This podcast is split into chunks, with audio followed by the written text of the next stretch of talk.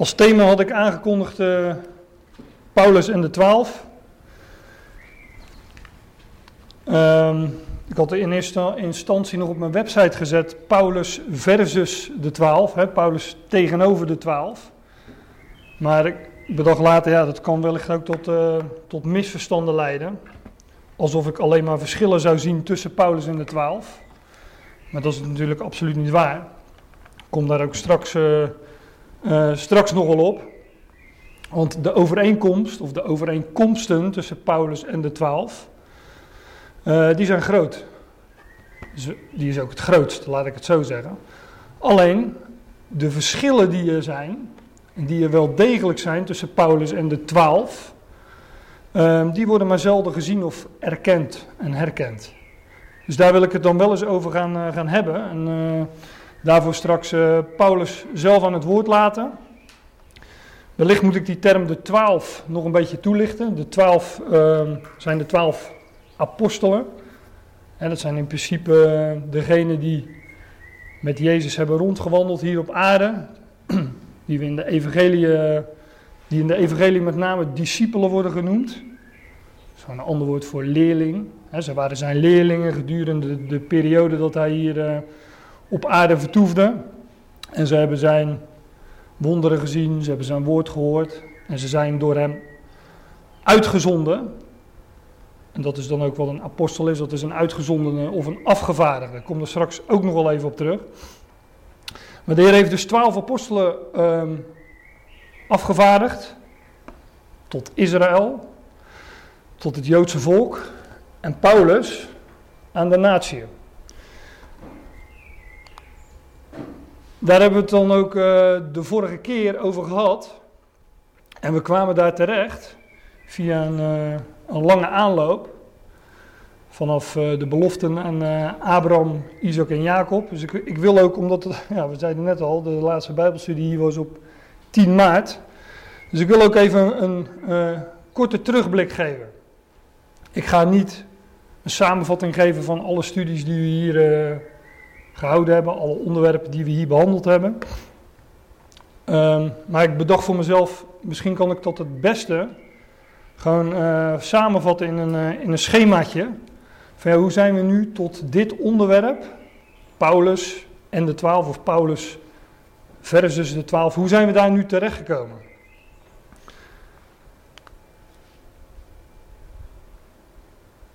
Kijk, hier ziet u ook weer die, uh, die term, als u het kan lezen tenminste. Jezus en de twaalf, hè, Jezus en die twaalf apostelen. Aan Abraham, later ook aan Isaac en Jacob werden door God belofte gegeven. Aan hem het beloofd dat ze een land zouden ontvangen. Ze zouden een koninkrijk ontvangen. En in hen, of in Abraham in ieder geval, nee, maar ook in Isaac en Jacob, zouden, al, zouden alle geslachten van de aarde, van de aardbodem gezegend worden. Dat was de belofte die God aan Abraham deed. God beloofde uh, aan Abraham, en hij bevestigde later die beloften aan koning David, het koningshuis van David, de dynastie van David. Hij beloofde hen een koninkrijk hier op aarde met de Messias, de zoon van David, op de troon. En Jezus kondigde dat koninkrijk aan. Ook zijn voorloper Johannes de Doper kondigde dat koninkrijk aan. We lezen in de evangelie dat, dat zij predikten, hè, dat zij verkondigden Bekeert u, want het koninkrijk der hemelen is nabijgekomen. Een koninkrijk hier op aarde zoals de profeten dat al voorzegd hadden. De profeten van het Oude Testament. Met de Messias op de troon in Jeruzalem. De twaalf apostelen. Twaalf is natuurlijk een markant getal als we zien op Israël. Hè? Twaalf stammen de twaalf stammen van Israël, daarom ook twaalf apostelen. Dat uh, is, is op zich al een aanwijzing dat het spreekt van Israël. Maar die twaalf apostelen, die waren gezonden tot Israël. Tot het huis van Israël. We hebben de vorige keer, uh, of de vorige keren gezien, dat zij specifiek gezonden werden tot het huis van Israël. Omdat Jezus zei van ga niet in op een weg van de heidenen, maar ga alleen naar dat volk. Maar je zien ook in handelingen. ehm, kijk, we weten dat de Heer Jezus werd gekruisigd door zijn volk. Hij werd gedood. En dus werd hij verworpen. Ze namen hem niet aan als, eh, als Messias. En we lezen dan ook later dat Jezus, eh, dat de twaalf apostelen predikten, bijvoorbeeld in Handelingen 3, nadat de Heer was opgewekt. Predikte Petrus hè, als woordvoerder van de twaalf in Handelingen 3 tot het volk. Jullie hebben hem gekruisigd, jullie hebben hem verworpen, maar God heeft hem opgewekt. God heeft hem opgewekt.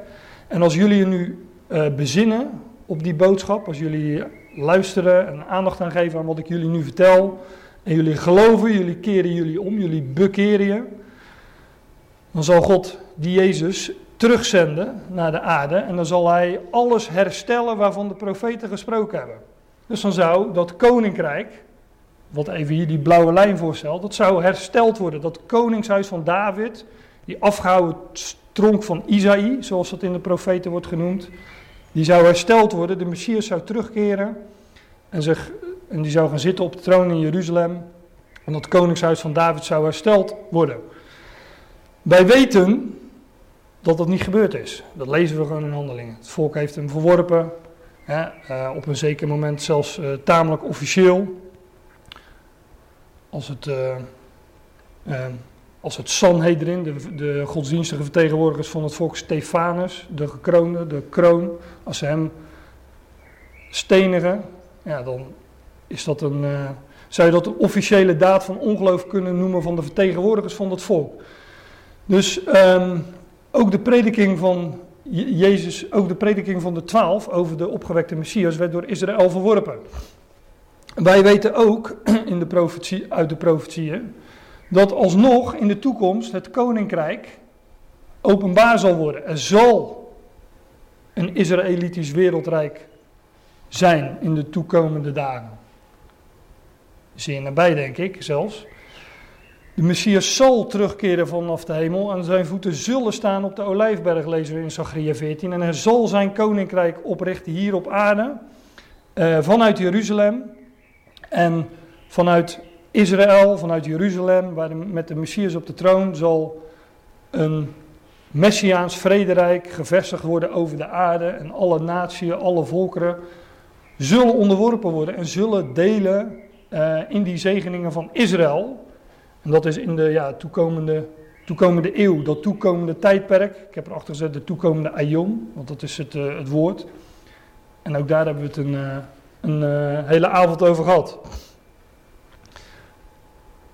Maar je zou kunnen zeggen dat die lijn van het koninkrijk en van de prediking van het koninkrijk, dat die onderbroken is. Een onderbreking. Dat is dan de rode, de rode stippellijn in deze eh, visuele weergave. Kijk, we, als wij hier een, eh, in Hendrik Ido Ambacht of waar dan ook een evangelisatiebijeenkomst zouden houden, dan zouden wij niet hetzelfde prediken als de twaalf. Als Petrus in Handelingen 3 of als Jezus in de evangeliën. Van mensen bekeert u, want het koninkrijk der hemel is nabijgekomen. Of als jullie je bekeren, dan komt Jezus vanuit de hemel terug en dan zal hij zijn koninkrijk vestigen hier op aarde. Dat is niet de boodschap aan ons.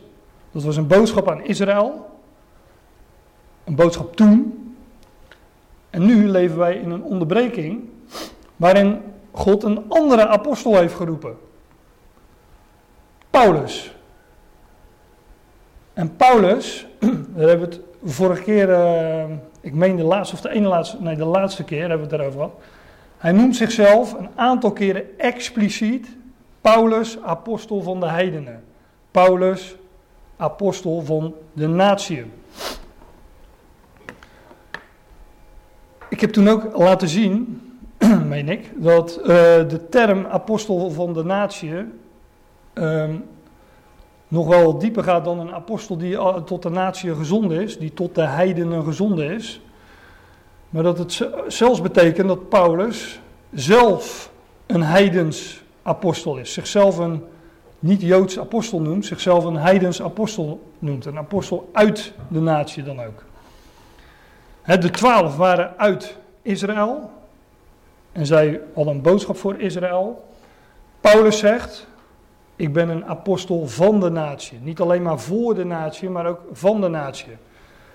Ik heb toen ook uh, gezegd dat als Paulus het over zijn apostelschap heeft, hij elke keer, ook in zijn brieven, toch wel uh, kunstig weet te vermijden dat hij uh, te beschrijven dat hij een Jood is. Hij zegt, ik ben een Israëliet, ik ben een Hebreeër uit de Hebreeën, maar hij zegt nergens, ik ben een Jood. He, besneden ten achtste dagen, hij noemt al die dingen wel, een fariseeër, naar de wet onberispelijk.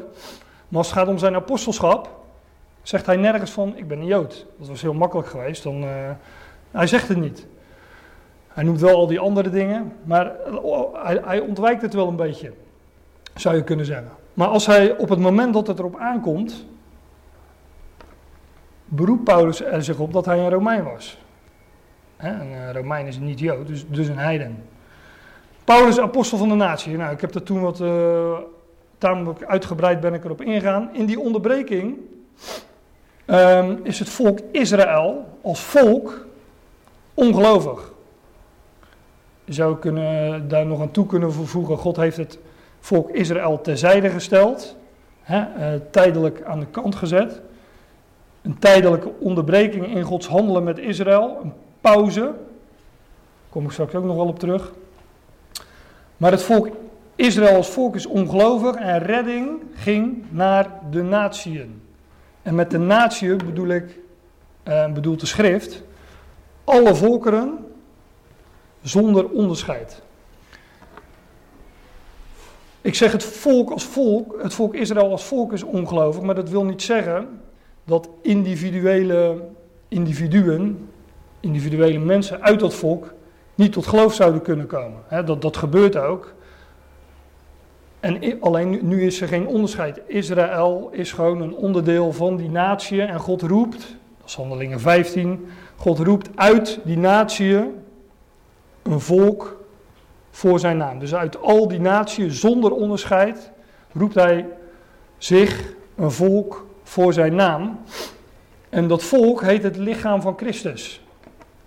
De ecclesia heb ik hier gezet, dat is een, eh, een Grieks woord, betekent uitroepsel. Hè? God roept uit de natie, uit de heidenen, uit alle volkeren zonder onderscheid, roept hij een volk voor zijn naam. Een volk dat eigenlijk ook geen volk is, om een andere schriftplaats uh, daarbij aan te halen.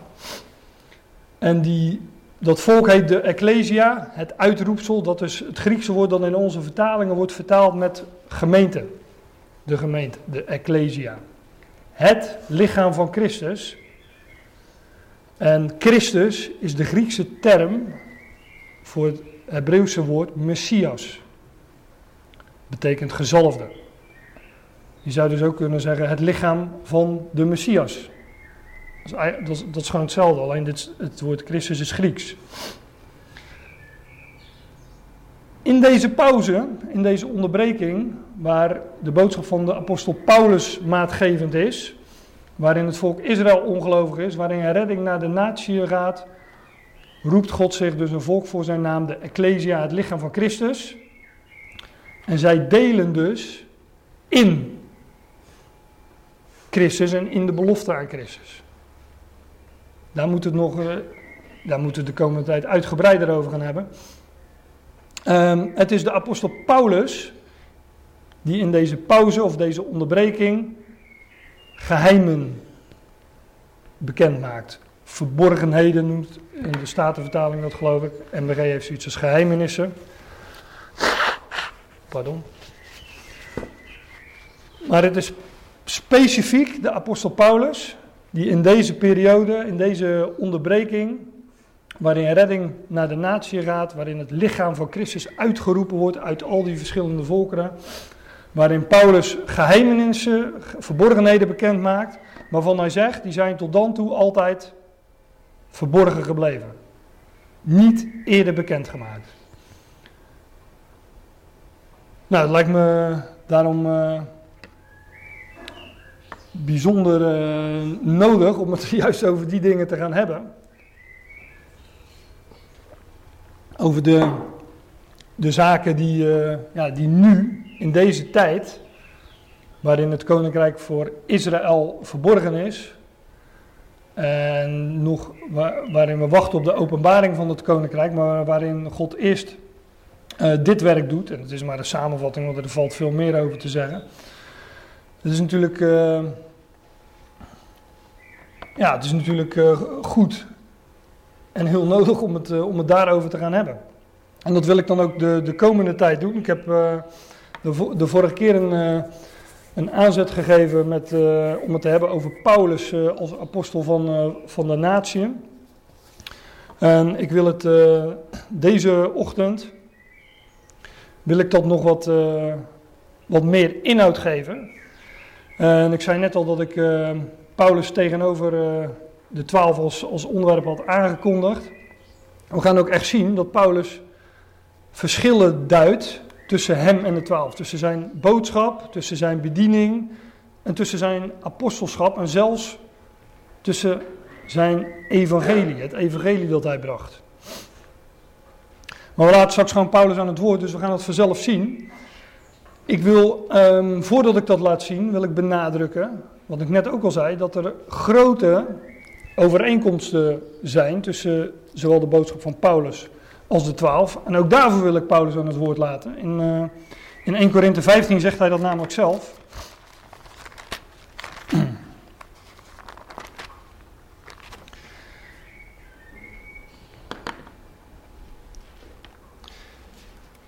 Ik heb hier heb ik een, uh, een softwareprogrammaatje, dat heet uh, ISA. Dat zijn natuurlijk de... ja Jens, er zijn ook softwareprogramma's die ISA heten. Dit is een softwareprogrammaatje. Um, dat is natuurlijk het uh, voordeel van, uh, van onze moderne tijd. Het heeft ook zijn nadelen hoor, maar dit, dit is een voordeel dat we met een aantal drukken op de knop um, heel dicht bij de tekst kunnen komen, zoals uh, in dit geval Paulus die opgeschreven heeft. Um, korte toelichting, dit zijn de Griekse letters zoals Paulus die ooit oorspronkelijk heeft opgeschreven. Dit is de weergave in Nederlandse letters.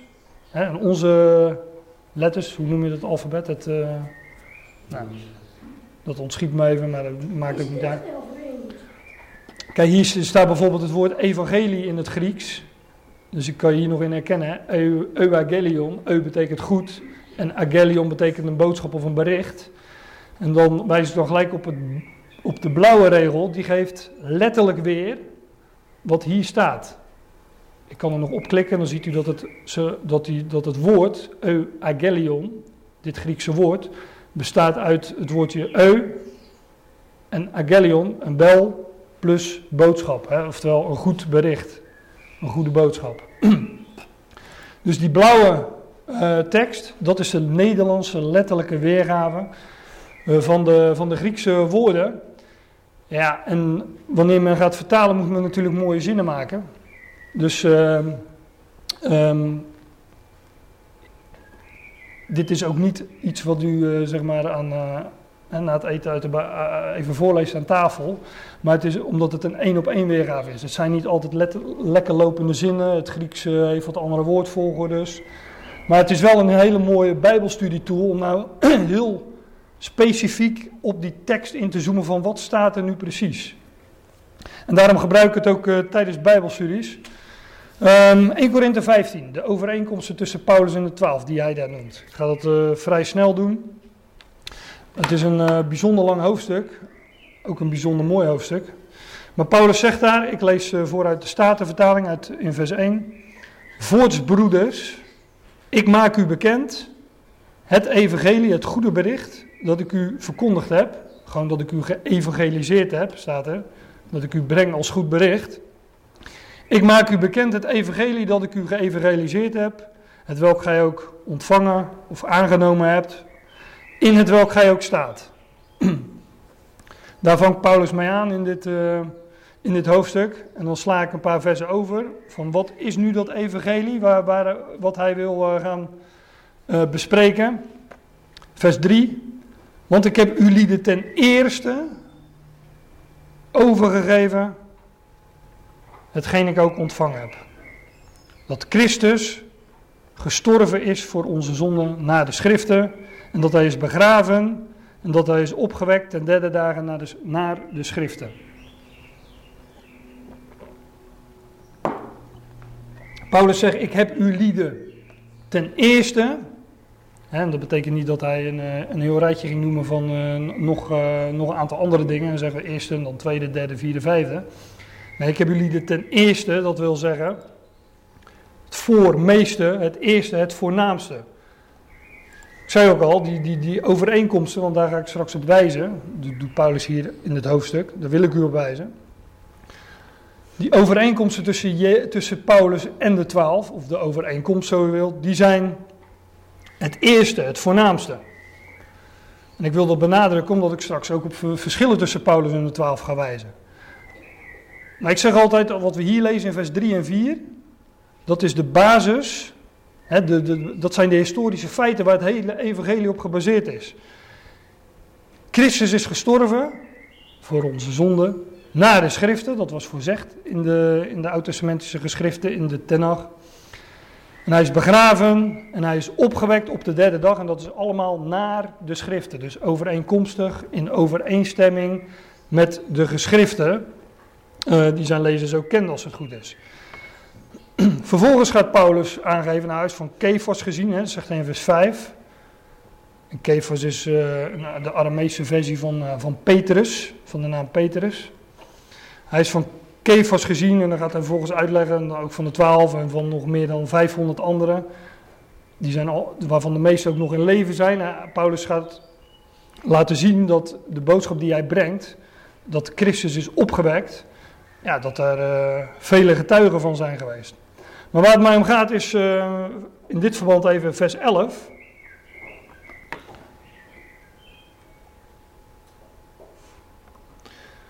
Daar zegt hij, over het voorgaande wat hij gezegd heeft. Het zij dan ik, het zij zijlieden. Het zij hen, het zij ik, het zij hen, het zij zijlieden. Alzo prediken wij. Letterlijk staat er iets als proclameren. Dat is, gewoon de, dat is de boodschap die zij brachten. En alzo hebt gij geloofd. Oftewel, en zo geloven jullie. En dan heeft hij het over zichzelf. het zij dan ik, het zij zijlieden. Terugwijzend ook op... Uh, op uh, die, die, de andere apostelen. Het zij ik, het zij zijlieden. Alzo prediken wij en alzo hebt gij geloofd. Alzo gelooft gij. En dit is dus wat hij in vers 3 en 4 aangaf, wat hij in vers 3 en 4 naar voren bracht. Dat is de basis van het evangelie, dat zowel door de twaalf als door Paulus verkondigd werd. En nog steeds door, uh, door hun brieven. Nou, vervolgens gaat hij uitleggen, de, onder die Corinthiërs waren, die, uh, die zeiden dat er geen opstanding is. Dan zegt hij ook van ja, als, als, als, als er geen opstanding is, is jullie geloof leeg. Hè, dan is het ijdel en dan, uh, dan sterven jullie in jullie zonde. Oftewel, jullie, dan zullen jullie geen nieuw leven ontvangen, want alles is gebaseerd, het hele evangelie is gebaseerd op de dood en opstanding van de Heer Jezus Christus. Dat is de basis, dat is het eerste zoals Paulus dat noemt, wat hij hen heeft overgegeven. Het belangrijkste, het voornaamste. Nou, ik hoop dat ik dat genoeg uh, benadrukt heb, voordat ik naar uh, de Galatenbrief ga. Waar Paulus een... Uh, ja, toch ook nog wel wat andere dingen bekend gaat maken.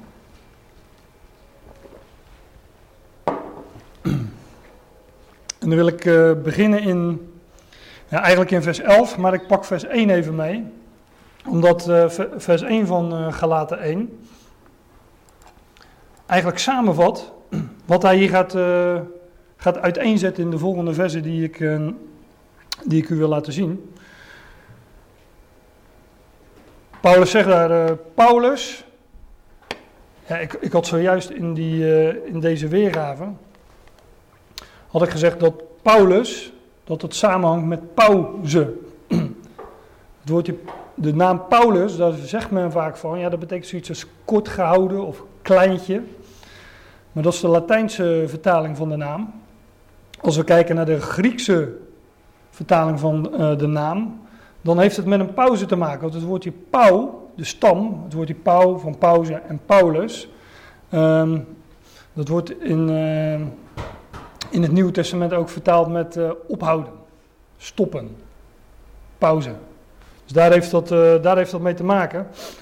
Dus zodra we een, een, brief hebben die aanvangt met de naam Paulus, dan zien we dat er al in verborgen.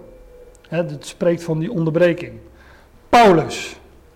Dan, zegt hij, dan staat in mijn vertaling, de Statenvertaling hier, een apostel. Hij zegt gewoon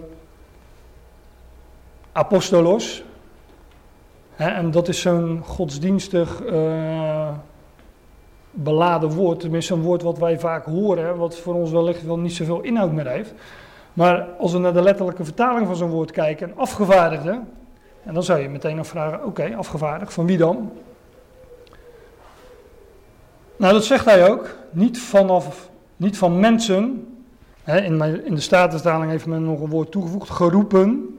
Nee, niet geroepen, hoewel dat er wel mee heeft te maken, afgevaardigd. Niet van mensen, nog door een mens, maar door Jezus Christus. En God de Vader die hem uit de doden opgewekt heeft. Paulus gaat in de komende versen benadrukken dat hij zijn boodschap, zijn evangelie, zijn bediening, zijn roeping niet van mensen heeft ontvangen. Ook niet van een menselijke instantie, maar rechtstreeks van Jezus Christus. Niet van Petrus, niet van de twaalf, maar rechtstreeks van Jezus Christus. En dan nog zelfs de opgewekte Christus vanuit de hemel, vanuit zijn hemelse positie. Om nou weer even terug te gaan naar uh, dit plaatje. Dat heb ik er nog niet eens bijgezet. Dat is gezegd en gezet. Israël had een aardse roeping. De prediking was de komst van een koninkrijk op aarde. Paulus spreekt van de Ecclesia, het lichaam van Christus, met een hemelse roeping. Ja, ik zeg het maar even voor de volledigheid, maar daar moeten we het natuurlijk ook nog allemaal over gaan hebben. Er is nog zoveel te bespreken, dus. Uh... Um, maar hier zegt Paulus: Ik ben een apostel, een afgevaardigde. En dat ben ik. Ik ben niet afgevaardigd van mensen, ook niet door een mens. Maar door Jezus Christus en God de Vader die hem uit de doden opgewekt heeft. Dan ga ik vervolgens verder in vers 11. Daar zegt hij iets soortgelijks zoals in waar hij in 1 Korinthe 15 mee aanving. Ik maak u bekend, broeders. En daar in 1 Korinthe 15 zei hij het evangelie dat ik jullie verkondigd heb. Hier zegt hij, ik maak jullie bekend dat het evangelie, het goede bericht, dat van mij verkondigd is, zegt de Statenvertaling dan. Hier staat ook weer gewoon, het evangelie dat door mij geëvangeliseerd is, of door mij geëvangeliseerd wordende, dat is niet naar de mens, zegt hij. Is niet overeenkomstig mens, niet overeenkomstig de mens. Het prikkelt de mens ook niet. Het zet de mens niet op een voedsel. Kijk, als wij uh, een fijne boodschap voor de mens uh, zouden hebben, dan zou het hier ook wel drukker zijn natuurlijk. Maar, dat zou de mens op een voetstuk zetten.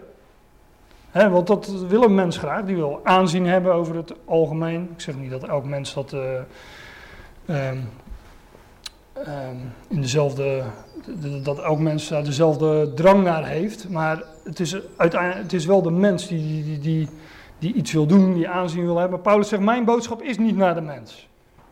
Het evangelie dat door mij geëvangeliseerd is. Want, zegt hij dan in vers 12, ik heb ook hetzelfde, dat evangelie, dat goede bericht, niet van de mens ontvangen. Nog geleerd, maar door openbaring, door onthulling van Jezus Christus. Hier zegt hij dus iets soortgelijks, ook qua uh, opbouw van de, van de zinnen, als in, uh, als in vers 1. Ik heb het niet van een mens ontvangen. In vers 1 zei hij, ik, heb het, ik ben afgewaardigd niet van mensen. In vers 1 zegt hij, ook niet door een mens. Hier zegt hij, ik heb het ook niet geleerd van de mensen, maar. En dan zegt vers 1 ook, maar door Jezus Christus. En hier zegt hij, maar door openbaring van Jezus Christus zelf, zou ik er bijna zetten. Door openbaring van Jezus Christus heeft hij het ontvangen. Ik kom straks nog wel terug op die structuur in deze verse, omdat hij dat straks uh, nog een keer doet. En als je dat, als je dat mooi in een, uh, in een tabelletje zet, dan uh, zie je daar uh, heel mooi die structuur in. maar Paulus benadrukt dus ook hier weer dat zijn, in vers 1 spreekt hij van zijn apostelschap, hè, zijn, dat hij een afgevaardigde is, niet van mensen, ook niet door een mens. En hier zegt hij dat hij het evangelie, dat hij evangeliseert, dat is niet naar de mens, maar hij heeft het ook niet van, van een mens ontvangen. En ook niet van een mens geleerd, dus ook niet van Petrus, ook niet van de twaalf. Maar door onthulling, door openbaring van Jezus Christus. Jezus Christus heeft hem dat zelf onthuld, geopenbaard.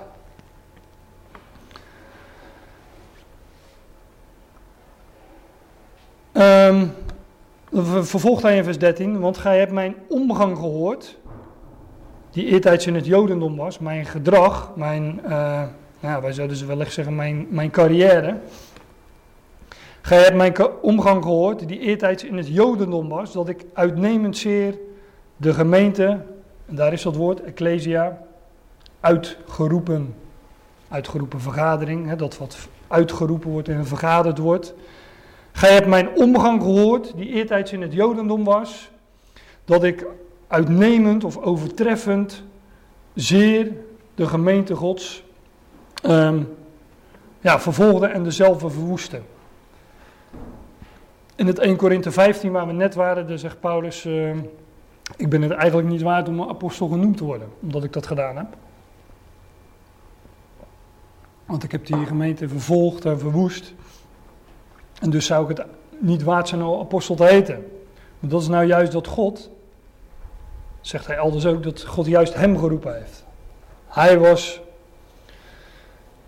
ja, hij was de grootste tegenstander van, uh, van Christus Jezus. En dat maakte hem juist zo geschikt om als apostel van de natie het evangelie van de genade van God bekend te maken. Het evangelie van de genade van God. Een term die hij zelf gebruikt, elders in zijn brieven. Hij vervolgt dan over zijn carrière in vers 14. En dat ik in het Jodendom toenam, hè, dat ik vorderde boven velen van mijn ouderdom. In mijn geslacht, zijnde overvloedig ijverig voor mijn vaderlijke inzettingen. Nou, dat is allemaal plechtig natuurlijk in de Statenvertaling. Maar hij zegt gewoon, ik was een van de beste in, uh, in mijn generatie. Wat dat betreft. In dat Jodendom. In dat, uh, en ik was overvloedig, ijverig. Hè, des te bovenmatig, des te geestdriftig zijnde in de overleveringen van, uh, van onze vaderen. dus in die Joodse overlevering. Hij zegt elders dat hij. Dat hij naar de wet de Fariseeën was. Onderwezen aan de voeten van Gamaliel. Um, en dat hij naar de wet onberispelijk was. Dus een veelbelovend man in, in zijn dagen. In dat Jodendom. En ehm, ja, wel iemand die uh, verblind was door godsdienst en daardoor degene vervolgde die hij later zou verkondigen. En want als we in Handelingen 9 lezen dat Paulus geroepen wordt op die weg naar Damascus, een bekend verhaal natuurlijk, wanneer hem dat oogverblindende licht uh, omschijnt en, en, en, Christus Jezus aan hem verschijnt uit, uit de hemel, ja, dan zegt de Heer ook, Saul, Saul, heet hij nog Saulus. Saul, Saul, wat vervolg gij mij? En dan zegt Paulus van, uh, dan nog Saulus van, wie, wie zijt gij heer? Nou, dan, zegt, dan zegt de Heer, ik ben Jezus die jij vervolgt. Hij was dus uh, een vervolger van die, van, die, van, die, van die ecclesia, van die gemeente. Maar dan vervolgt hij, wanneer het God behaagd heeft, in vers 15. Wanneer het God behaagd heeft, en let op, hè, hier gaat het over, uh, over de God, staat er letterlijk in de tekst. Dat, dat toont de exclusiviteit aan, de God. Er is er namelijk maar één. Daarom is hij ook werkelijk God. En God, heb ik ook eerder op gewezen in deze studies. Het woordje theos, het Griekse woordje theos, wat wij vertalen met God, dat is afgeleid van een woord dat plaatsen betekent. En God is daarmee dus de plaatser. Hij die alles een plek geeft, hij die alles plaatst, die alles onder controle heeft. En dat zegt Paulus hier ook in dit vers. Toen het de God, de plaatsen, de beschikker van alles, toen het hem behaagd heeft. En dan een tussenzin, die mij van mijn moeders lijf aan afgezonderd heeft. En, en geroepen of roepende door zijn genade. En dat is dus God als plaatser. Paulus ging een weg waarvan je zou zeggen, nou, ehm, dat kan niet in Gods plannen passen. Nee, het past wel in Gods plannen. God had hem vanaf zijn moeders lijf aan afgezonderd. En Paulus eh, ging die weg die hij in de voorgaande twee versen beschreef. En toch had God hem van zijn moeders lijf aan afgezonderd. Want God is de plaats en de beschikker van alle dingen. En doet alles meewerken ten goede. Ook de weg die Paulus toen is gegaan. Wanneer het God behaagd heeft, die mij van mijn moeders lijf aan afgezonderd heeft. Hij roept, roep, geroepen heeft door zijn genade. Toen het God behaagd heeft zijn zoon in mij te openbaren. Ik lees eerst even verder. Toen het God behaagd heeft zijn zoon in mij te openbaren, opdat ik dezelfde, opdat ik hem door het evangelie onder de heidenen zou verkondigen. Zo ben ik terstond niet te raden gegaan met vlees en bloed. Wat Paulus hier zegt, is echt heel sterk.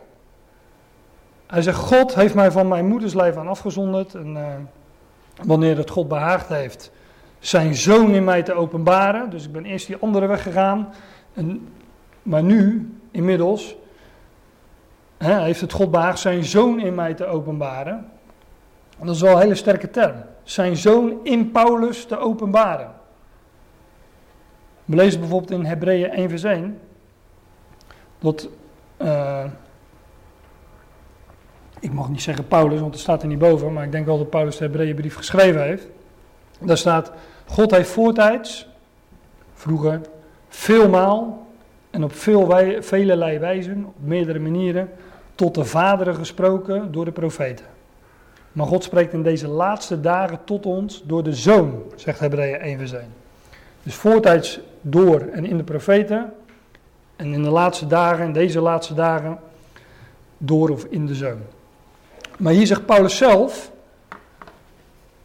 dat God, dat het God behaagd heeft zijn zoon in Paulus te openbaren. Oftewel, God openbaart zijn zoon in Paulus aan de natie. Want dat is waar hij mee vervolgt. Het heeft God behaagd zijn zoon in mij te openbaren, opdat ik dezelfde door het evangelie, door het goede bericht, zou brengen onder de natie.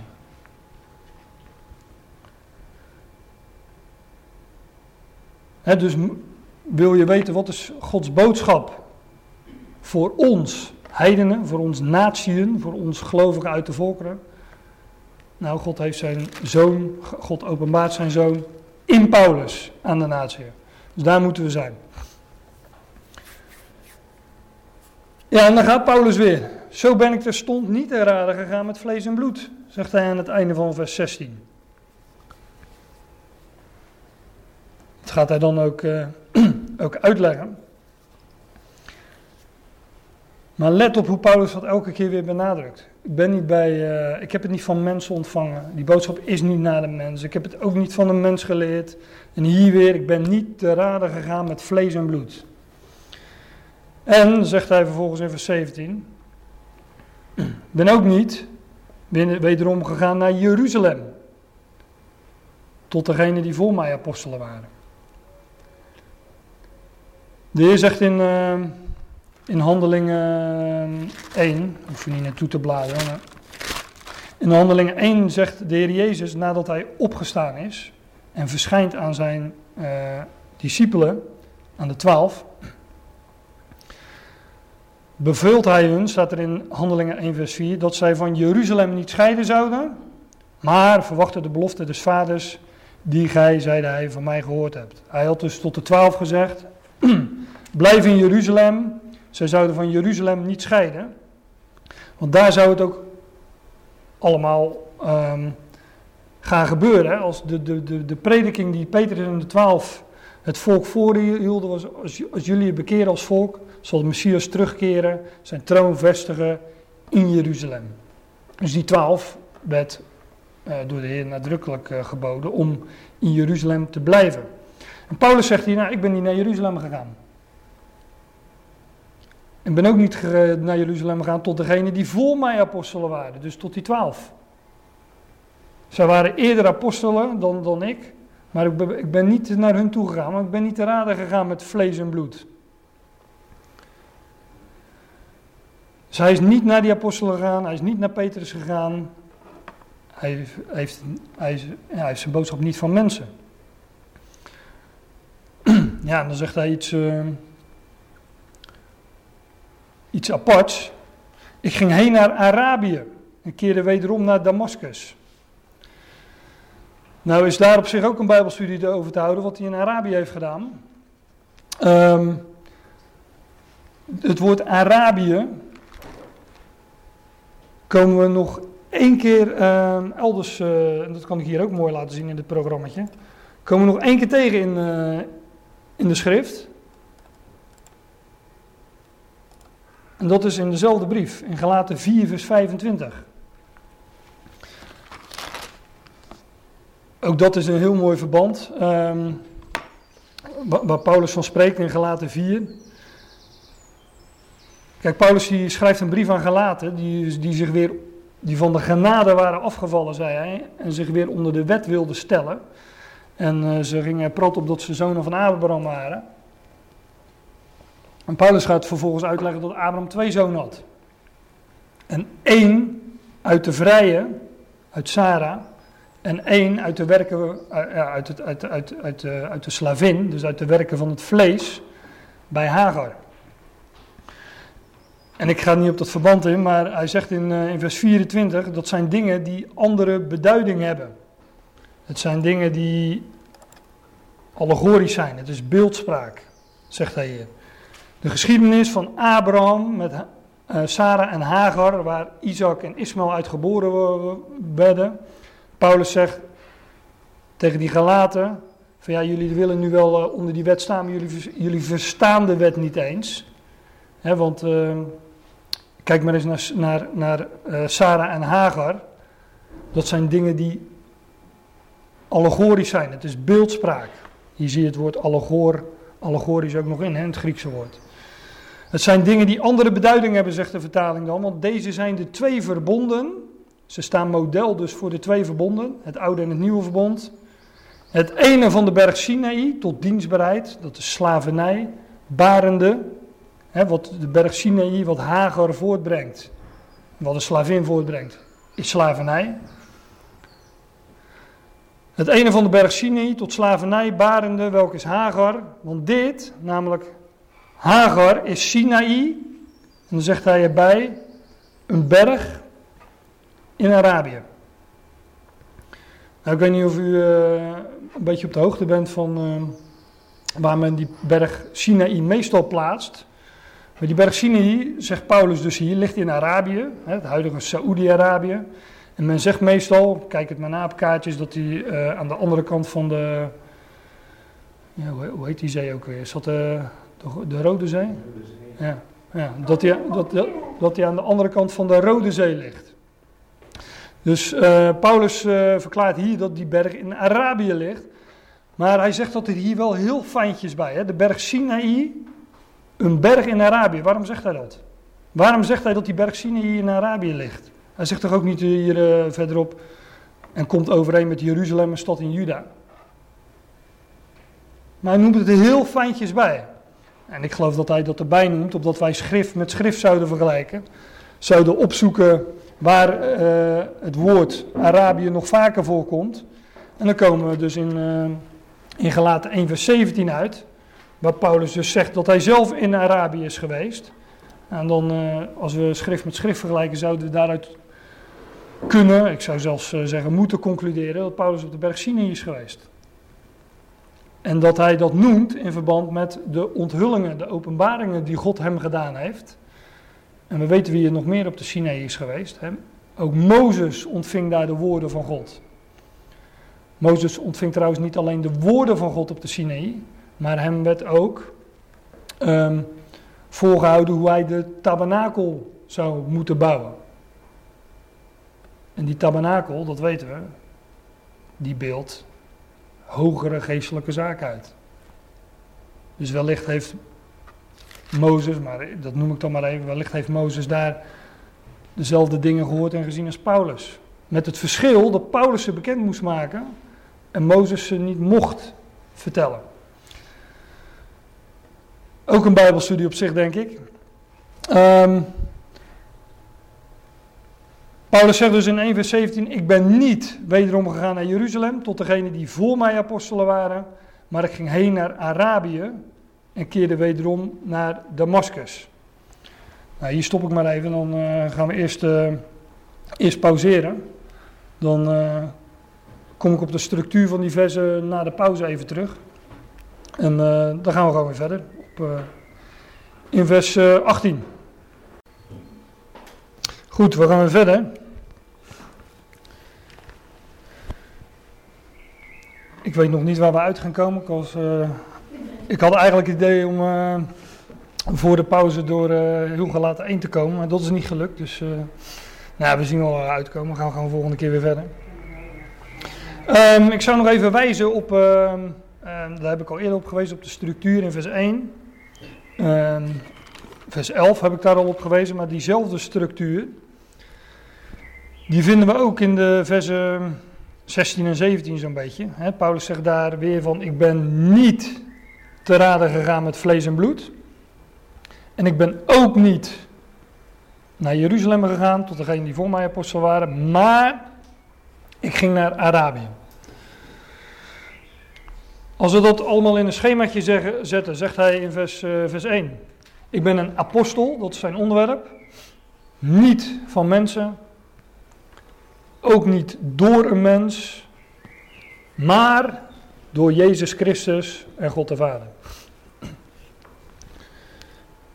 Ik heb dit overigens niet zelf verzonnen. Ik, uh, iemand, iemand wees me hier ooit op en ik, uh, ik vind het soms prettig om dingen in een schemaatje te zetten, omdat het uh, ja, dan ook wat duidelijker is. Dan zie je bepaalde structuren. Dus ik dacht, nou, ik vind het te mooi om het, om het niet door te geven. Uh, dat was vers 1. In vers 11 en 12 zegt hij: ik, Mijn evangelie is niet naar de mens, niet overeenkomstig de mens. Ik heb het ook niet ontvangen of geleerd van een mens, maar door openbaring van Jezus Christus. Nou, vers 16 en 17 gaat het uh, over zijn bediening, zijn dienst. Ik ben niet te raden gegaan met vlees en bloed, of bij vlees en bloed. Ik ben ook niet naar Jeruzalem gegaan, maar ik ging naar Arabië. Dus dat dan op een rijtje zet van uh, wat hij allemaal niet en ook niet gedaan heeft, maar vooral wat hij dus wel gedaan heeft. Hij heeft wel uh, zijn apostelschap, zijn evangelie en zijn bediening gekregen door Jezus Christus en God de Vader door openbaring, door onthulling van Jezus Christus. Nou, waar dan? Nou, in Arabië. Op de Sinaï, als u het mij vraagt. Net als Mozes de woorden Gods ontving, hè, maar ook, had het in de pauze even over, dat, uh, dat God hem daar heel veel bekend gemaakt heeft. Ik, ik geloof dat God uh, zijn plan bekend heeft gemaakt. Hè. We lezen ook dat Mozes, uh, dat ze niet op zijn aangezicht konden zien vanwege de heerlijkheid die, uh, die, ze, die, van zijn gezicht afscheen, om het zo even te zeggen. En dat hij later twee man aanstelt, twee mannen, die de geestelijke zaken die hem bekend gemaakt waren, in het stoffelijke, in de materie moesten vastleggen. Zij moesten geestelijke dingen ze waren kunstenaars, ze moesten geestelijke dingen die Mozes bekendgemaakt zijn, in de materie vastleggen. En dat, daar ontstond dus die tabernakel uit. Zo werd die tabernakel gebouwd. Die tabernakel, die drukt dan ook geestelijke zaken uit. Maar niet van het oude verbond, maar verborgenheden ook van het, van het nieuwe verbond. Dus ik denk dat, ik zei dat in de pauze ook al, ik denk dat Mozes veel meer geweten heeft, veel meer bekendgemaakt is, ja, dan dat wij maar kunnen bedenken. Um, maar hij mocht, hij mocht het niet bekendmaken, want de apostel Paulus werd daartoe afgevaardigd. Maar dit is het dus in, in schema. Overigens, het is een PowerPoint-presentatie, die zal ik ook op, uh, op mijn website zetten. Kunt u dat uh, nog eens terugzien. Gezondewoorden.nl Ehm, ja, terug naar, uh, terug naar Galaten. Waar wij dan aankomen, ehm, als Paulus zegt dat hij uh, heen ging naar Arabië en keerde daarna weer wederom naar Damascus. Je kunt overigens het boek Handelingen hiernaast leggen. En dan, als je, dan vult het elkaar ongeveer aan. Je vindt in Handelingen niet dat Paulus zegt dat, uh, of dat Lucas beschrijft, want Lucas is de schrijver van Handelingen. Je vindt in Handelingen niet dat Lucas beschrijft dat Paulus naar Arabië is gegaan. Hij zegt het hier wel. Dus als je de schrift met schrift vergelijkt, kun je die twee verslagen in elkaar schuiven. Dan krijg je een compleet verhaal. maar dat gaan we nu niet doen. Ik ga verder met, uh, met vers 18. Vervolgens, daarna, kwam ik na drie jaar weder te Jeruzalem om Petrus te bezoeken. En ik bleef bij hem 15 dagen. Dat zegt de Statenvertaling. Paulus zegt dus dat hij pas uh, na, drie jaar later bij, uh, toch in Jeruzalem kwam. En dan staat er in de vertaling om Petrus te bezoeken. Maar wat hij eigenlijk zegt, is om mijn geschiedenis aan Petrus te vertellen. Dus hij had al gezegd dat hij zijn evangelie, zijn boodschap, zijn apostelschap niet van mensen had ontvangen. En hier zegt hij dus ook van ja, ik kwam bij Petrus, niet opdat Petrus mij zou bijpraten, maar opdat ik Petrus zou bijpraten. Want ik, ging, ik heb Petrus mijn geschiedenis verteld. Kefas is de Aramese naam Hetzelfde als Petrus. Hier vinden we ons woord uh, ja, historie. Ja, his, his, historie, is het Griekse woord. Iemand, iemand informeren, iemand, uh, hè, zo, zoals wij de geschiedenis verhalen, hè, his, history, historie. Zo uh, vertelde Paulus aan Petrus zijn geschiedenis. En hij deed dat in, uh, in 15 dagen. Nou, ook achter die getallen zit natuurlijk uh, van allerlei, van alle, allerlei diepere dingen, maar dat laat ik voor nu even liggen. Hij was bij Petrus en hij zegt dan: Ik zag geen ander van de apostelen dan Jacobus, de broer, de broeder des Heren. Dus de broer van de Heer Jezus. In die 15 dagen heeft hij Petrus zijn verhaal verteld. Hij zegt: Nou, die andere 11, die heb ik niet gezien. Oh ja, alleen Jacobus nog, de broer van de Heer Jezus. En dat benadrukt hij nog maar eens. Wat ik, hetgeen ik nu schrijf aan jullie, ziet ik getuig voor God dat ik niet lieg. Hè? Wat echter ik schrijf aan jullie, neem waar. In het zicht van God, van de God. Haalt God als, eh, als getuige aan. Ik lieg niet. Wat ik hier, uh, wat ik jullie vertel is waar.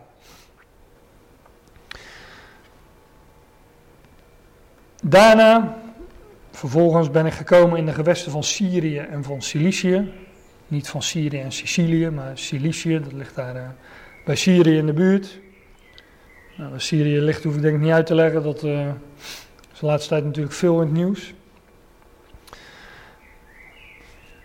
En ik was van aangezicht onbekend aan de gemeenten, ook hier weer die ecclesia's, uitgeroepen, uitgeroepen vergaderingen ik was van aangezicht onbekend aan de gemeenten in Judea.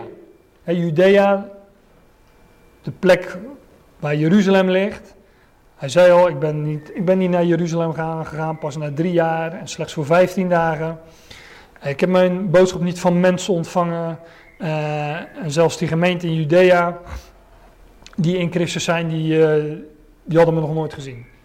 Hij benadrukt maar weer dat uh, de, zoals de twaalf tot het huis van Israël gezonden waren, dat zijn roeping, zijn apostelschap, zijn boodschap daar los van stond. Maar zij hadden alleen gehoord dat men zeide, degene die ons eertijds vervolgde, verkondigt nu het geloof, het welk hij eertijds verwoestte.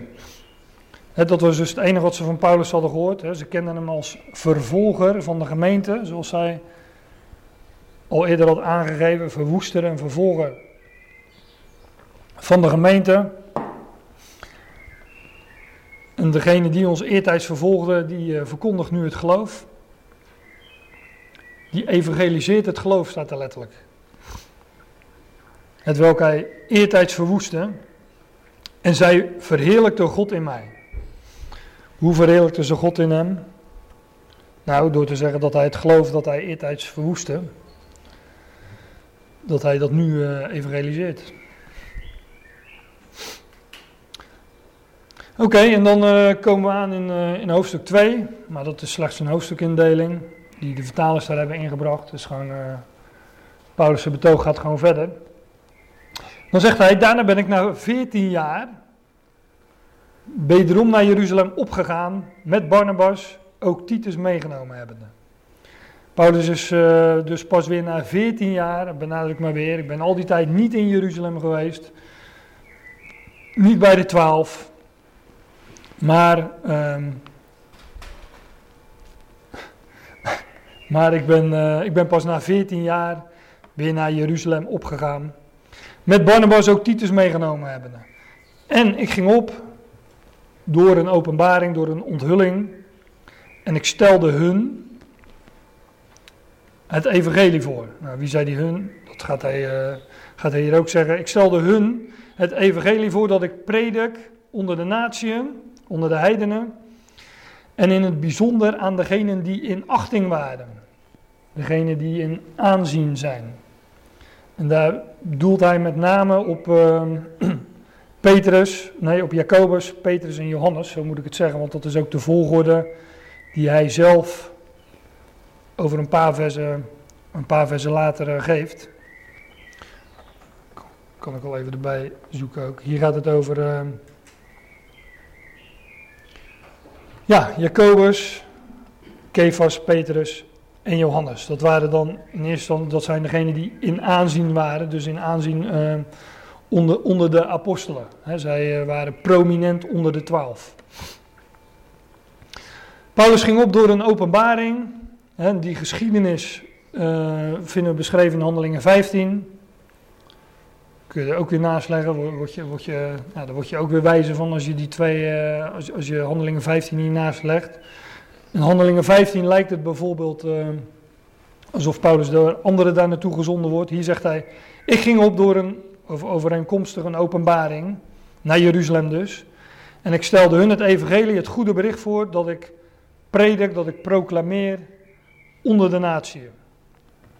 En in het bijzonder aan degenen die in achting waren, aan degenen die in aanzien zijn, opdat ik niet enigszins te vergeef zou lopen of uh, gelopen hebben. Wat Paulus hier aangeeft is dat hoewel zijn bediening, zijn apostelschap, zijn boodschap losstond van die van de twaalf, dat hij ze toch uh, ja, wel voor, voor zich wilde winnen. En daarom is hij ook, uh, hij heeft ze ook ontmoet en we, lezen dat straks ook in, in ditzelfde hoofdstuk. Ik sla nu even een, uh, een paar versen over, omdat Paulus nu een, uh, een zijsprongetje neemt over Titus in vers 3, 4 en 5. En eigenlijk zijn betoog vervolgt in, in vers 6. Daar zegt hij van degenen die, in, die geacht waren, of hier ook weer, hè, diegenen die in aanzien zijn. Hè, dat, dat noemde hij ook al in vers 2. Van degenen die geacht waren wat te zijn, die in aanzien zijn, hoedanigen zij eertijds waren, verschilt mij niet hij, zegt, uh, hij zei eerder al, zij waren voor mij apostelen. Maar hij zegt, ja, dat, dat, dat, is, niet, dat is niet van belang. Hij zegt, ik, ik, ben, ik heb een aparte roeping. God neemt de persoon des mensen niet aan. Want die geacht waren iets te zijn, hè, die in aanzien waren, die, die apostelen, die in aanzien waren, zegt hij dan, hebben mij niets toegebracht. dat toegebracht, dit woordje, hier wordt het letterlijk weergegeven met zijn gave te raden, maar dat kwamen we al tegen in Galaten 1 vers 16. Daar stond dat Paulus niet te raden gegaan was met of bij vlees en bloed. En hier zegt hij dus ook weer, ja, die apostelen, diegenen die in aanzien zijn, diegenen die in aanzien waren, die hebben mij niets te raden gegeven. Die hebben mij niks toegebracht. Petrus heeft hem dus niets te raden gegeven. Nee, Paulus heeft Petrus zijn relaas verteld. Paulus heeft zijn boodschap aan, aan hem verteld. En hij zegt van ja, degene die geacht waren wat te zijn, hoe ze dan eertijds ook waren, is niet van belang. Hij zegt, want ze hebben mij niks te raden gegeven. Maar daarentegen, in tegendeel, ook hier weer een tegenstelling. Tussen, tussen Paulus, Paulus zet hier de dingen tegenover elkaar. Daarentegen, als zij zagen dat aan mij het evangelie der voorhuid toebetrouwd was, gelijk aan Petrus dat der besnijdenis. Ik lees even verder en dan kom ik straks nog wel wat, zoom ik even in. Want die in Petrus krachtelijk vrocht, een oud woord voor werk, werkt, want die in Petrus krachtelijk werkt, tot het apostelschap der besnijdenis, die werkt ook krachtig, krachtelijk in mij onder de natie. En als Jacobus en Kefas en Johannes die geacht waren, hè, die in aanzien waren, lazen we net.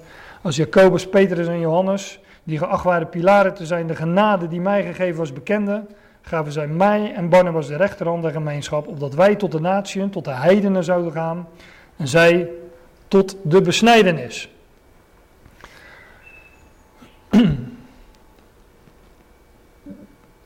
We hebben het tot nu toe gehad over de roeping, het evangelie, de bediening van Paulus versus tegenover die van de twaalf. Paulus zegt hier zelf, ik heb het niet van mensen ontvangen. En ik heb, hier zegt hij zelf, noemt hij het zelfs een, andere, een, een, anders, een ander evangelie, van een ander type, om het zo te zeggen. Integendeel, als zij zagen dat aan mij het goede bericht, het evangelie, goede bericht van de voorhuid toevertrouwd was, zoals aan Petrus dat, het goede bericht van de besnijdenis. Nou zijn dat natuurlijk uh, hele technische termen, maar het evangelie van de vooruit en het evangelie van de besnijdenis zijn toch wel, zijn wel hele sterke termen. De MBG-vertaling heeft het overigens niet goed, uh, goed vertaald. Die zeggen het evangelie van de, nee, voor de onbesnedenen en het evangelie voor de besnedenen of iets dergelijks. Dan heb ik niet zo moeite met dat besneden en onbesneden, want daar gaat het wel over. Maar min met dat voor de. Alsof het alleen over de doelgroep zou gaan. Maar van de, het goede bericht van de vooruit en het goede bericht van de besnijdenis. Ja, dan gaat het niet alleen eh, over eh, een doelgroep, maar dan gaat het ook over een specifieke boodschap van. Um, het goede bericht van de vooruit, het goede bericht van de besnijdenis, evangelie van de vooruit, evangelie van de besnijdenis. Nou, de besnijdenis, om daar te beginnen, dat zijn degenen die de vooruit niet hebben. Dat is het Joodse volk. En aan hen, zegt Paulus, in ieder geval als Petrus, aan Petrus, hè, Petrus als prominent apostel onder de twaalf, aan hen was het evangelie van de besnijdenis toevertrouwd. Dus een Joods evangelie zouden wij zeggen. Aan Paulus was het evangelie, het goede bericht, van de voorhuid toevertrouwd. Als ik dat moet parafraseren zou ik zeggen een heidens evangelie. Paulus verkondigt dan ook een evangelie buiten alle rituelen, gewoonten enzovoorts om. Een evangelie van, uh, ja, van pure genade. Een evangelie niet alleen uh, alleen maar voor de natie, maar ook gepredikt door een apostel van de natie. En Paulus zet die twee dingen, die twee evangeliën, hier wel degelijk tegenover elkaar. Als hij zegt in tegendeel. Um, daarom heb ik ook in het begin van mijn, uh, van mijn van deze studie, van deze toespraak, heb ik in het begin ook uh, aangegeven dat de basis van die twee evangeliën, de dood en opstanding van de Heer Jezus Christus, dat dat het eerste en belangrijkste is. En dat dat ook een overeenkomst is tussen, zowel, tussen Paulus en de twaalf. Dat was de basis van de boodschap van beiden. Alleen Petrus en de twaalf hadden een boodschap voor het Joodse volk, voor Israël, voor een koninkrijk geopenbaard hier op aarde. Dat staat hier niet, maar dat staat natuurlijk op andere plaatsen. Um, en Paulus, Paulus zijn boodschap, bestaat eruit, terug naar dat plaatje, dat Israël ongelovig zou blijven. Petrus en de twaalf verkondigden aan Israël, bekeert jullie, dan zal de Messias terugkeren. Paulus' zijn boodschap is nee. Volk Israël zal ongelovig blijven totdat. Lees je bijvoorbeeld in eh, Romeinen. De verharding is gedeeltelijk voor een deel, hè, niet alle, voor een deel over Israël gekomen. Dus niet alle Israëlieten zijn verblind, want God kiest uit alle naties een volk voor zijn naam. Maar Paulus zegt, legt bijvoorbeeld in de Romeinenbrief uit dat het volk Israël ongelovig zou blijven totdat de volheid van de natieën zal ingegaan zijn. En pas dan zal God de draad met zijn plannen, zijn plan voor, voor dat volk, voor het volk Israël weer oppakken. Maar dat was niet de boodschap van de twaalf. Zij predikte aan Israël dat koninkrijk. Dat is het evangelie, um, het, evangelie van de, van de besnijdenis. Het evangelie van de besnijdenis is de prediking van uh, het, het, koninkrijk voor Israël, Messias op de troon in Jeruzalem. En Paulus wist dat dat voorlopig niet zou gebeuren en dat God een verborgen plan openbaart door hem, nu bekend maakt. Het evangelie dus van, uh, van de vooruit was Paulus toevertrouwd zoals aan Petrus het evangelie van de besnijdenis. Want, zegt Paulus dan, die in Petrus krachtig werkt, krachtelijk werkt, inwerkende, staat hier in de interlineair. Dus door God werd eh, in Petrus krachtig, krachtig gewerkt tot een apostelschap van de besnijdenis, zoals in Paulus, ja, tot een apostelschap onder de natieën.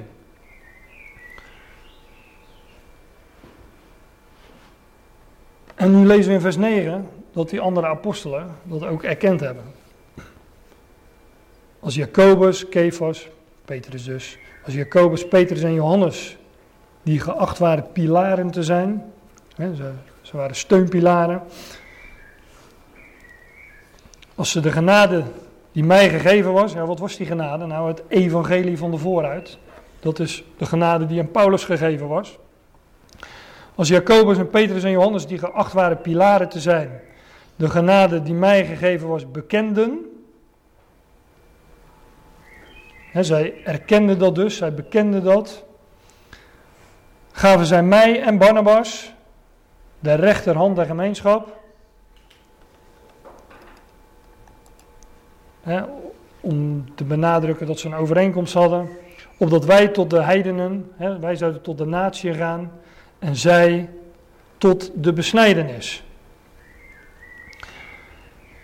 Dus hier wordt, uh, ja, wordt, wordt, worden de zaken zoals ze zijn, hè, zoals, zoals God ze plaatst, om dat woord dan maar weer te gebruiken, zoals God ze beschikt, die worden hier erkend door, uh, door alle betrokken partijen, om het zo te zeggen, door Paulus en uh, degene die in aanzien waren onder, onder die twaalf apostelen.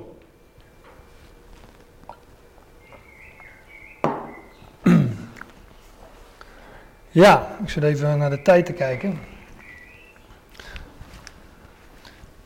Um, ik wil de, de volgende keren uh, uitgebreid ingaan op het, evangelie, op het evangelie van Paulus, op de boodschap van Paulus.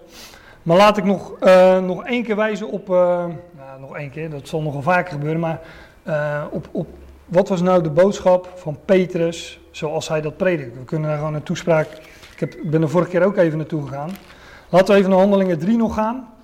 Ter afsluiting, waar Petrus specifiek dat, dat, dat evangelie van de, van de besnijdenis verkondigt, predikt, of hoe we dat ook, uh, hoe we dat ook willen noemen. Ik ben de vorige keer begonnen, uh, want ik heb vorige keer, uh, meen ik, of die keer daarvoor, ook hetzelfde schriftgedeelte aangehaald. Toen ben ik begonnen in vers 12, denk ik. Waar Petrus zijn het woord richt tot degenen die daar aanwezig zijn na de, um, na de genezing van een, eh, een lamme, een kreupele man. En Petrus richt het woord tot, eh, tot de menigte die, die, daar aanwezig is en die die, uh, die, die verlamde man zien, eh, zien rondlopen en rondspringen zelfs en huppelen. En dan zegt hij in vers 12, gij Israëlitische mannen. Hè, het evangelie van de besnijdenis is gericht aan Israël. En hij zegt dan ook, gij Israëlitische mannen. Mannen, Israëlieten. Gij Israëlitische mannen. Nou, toen heb ik daar gaat hij in, de, in de volgende verse uitleggen. Van, joh, Jezus, de vorst des levens, de heilige en rechtvaardige, die hebben jullie verlogend en jullie hebben hem gekruisigd, gedood. Maar God heeft hem opgewekt. En door, die, door het geloven in die naam, hè, de naam van, van, van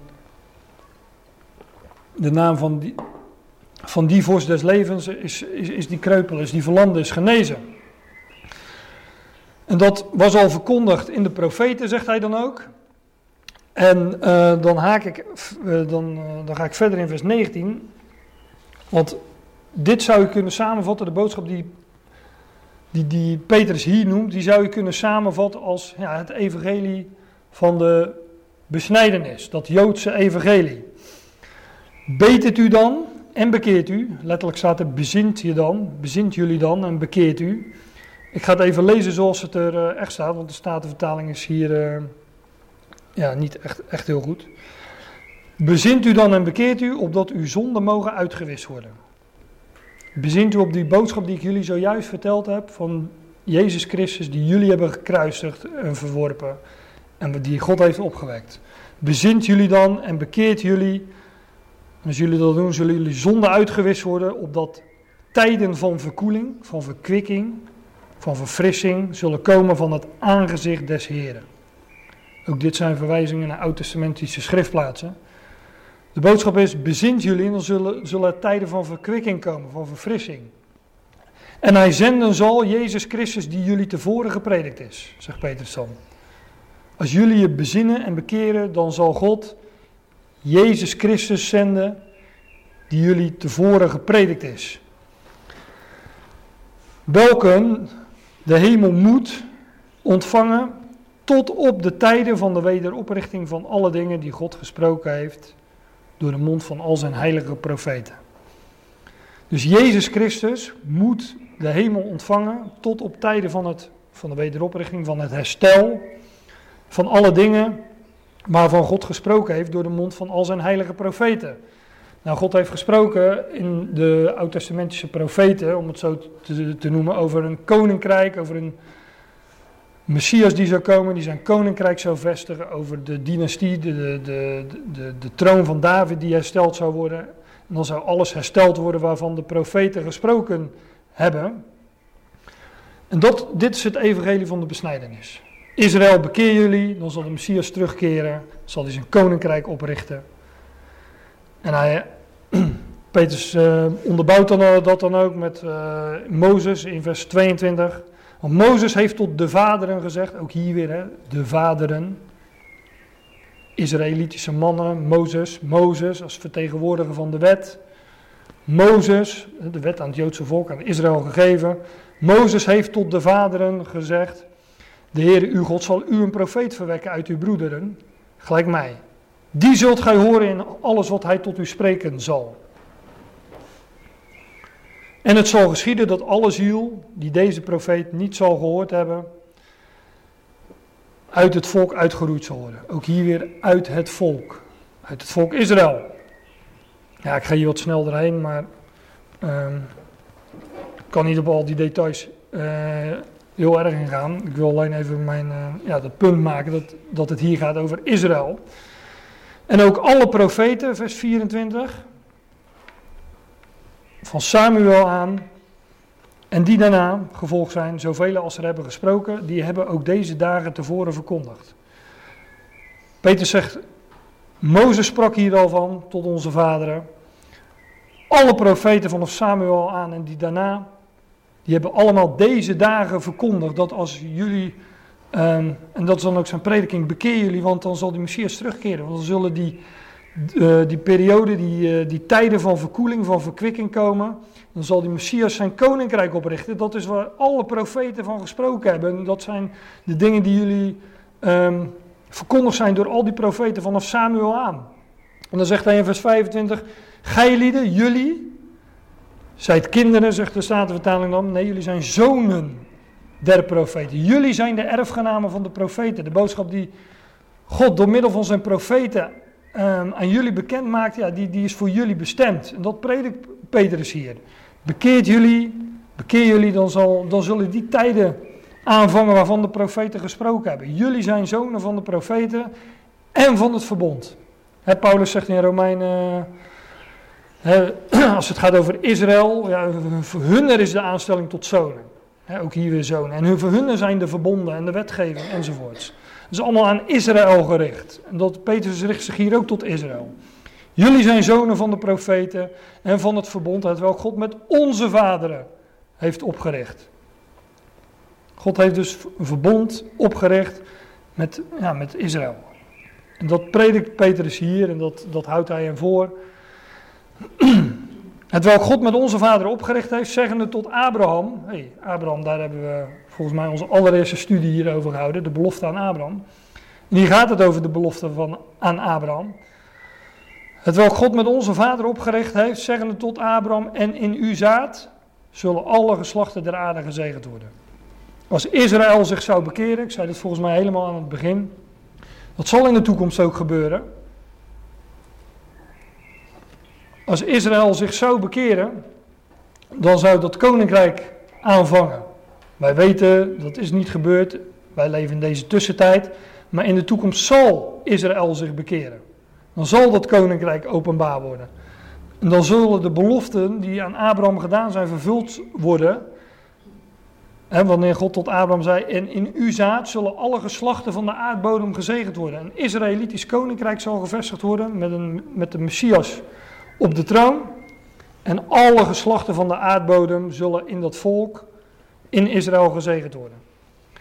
Peter zegt dan in eh, vers 26 van Handelingen 3: God, opgewekt hebben zijn, eh, God opgewekt hebbende zijn kind Jezus, heeft dezelfde eerst tot u gezonden. Dat hij jullie de zegenen zou, daarin dat hij in ieder van u afkeren van uw boosheden. Dus eerst zou Israël gezegend worden. En in Israël alle geslachten van de aardbodem. Dat is de prediking die Petrus nou ongeveer op dit moment uh, houdt. Wij weten dat de apostel Paulus werd geroepen. Daar hebben we, daar hebben we het de voorgaande keer en deze keer over gehad. In deze onderbreking, in deze tussentijd. Maar dat Israël zich zeker in de toekomst wel zal bekeren. En dat dan alle geslachten van de aardbodem gezegend zullen worden in Israël. Want God heeft zijn kind Jezus opgewekt en dezelfde eerst tot u gezonden.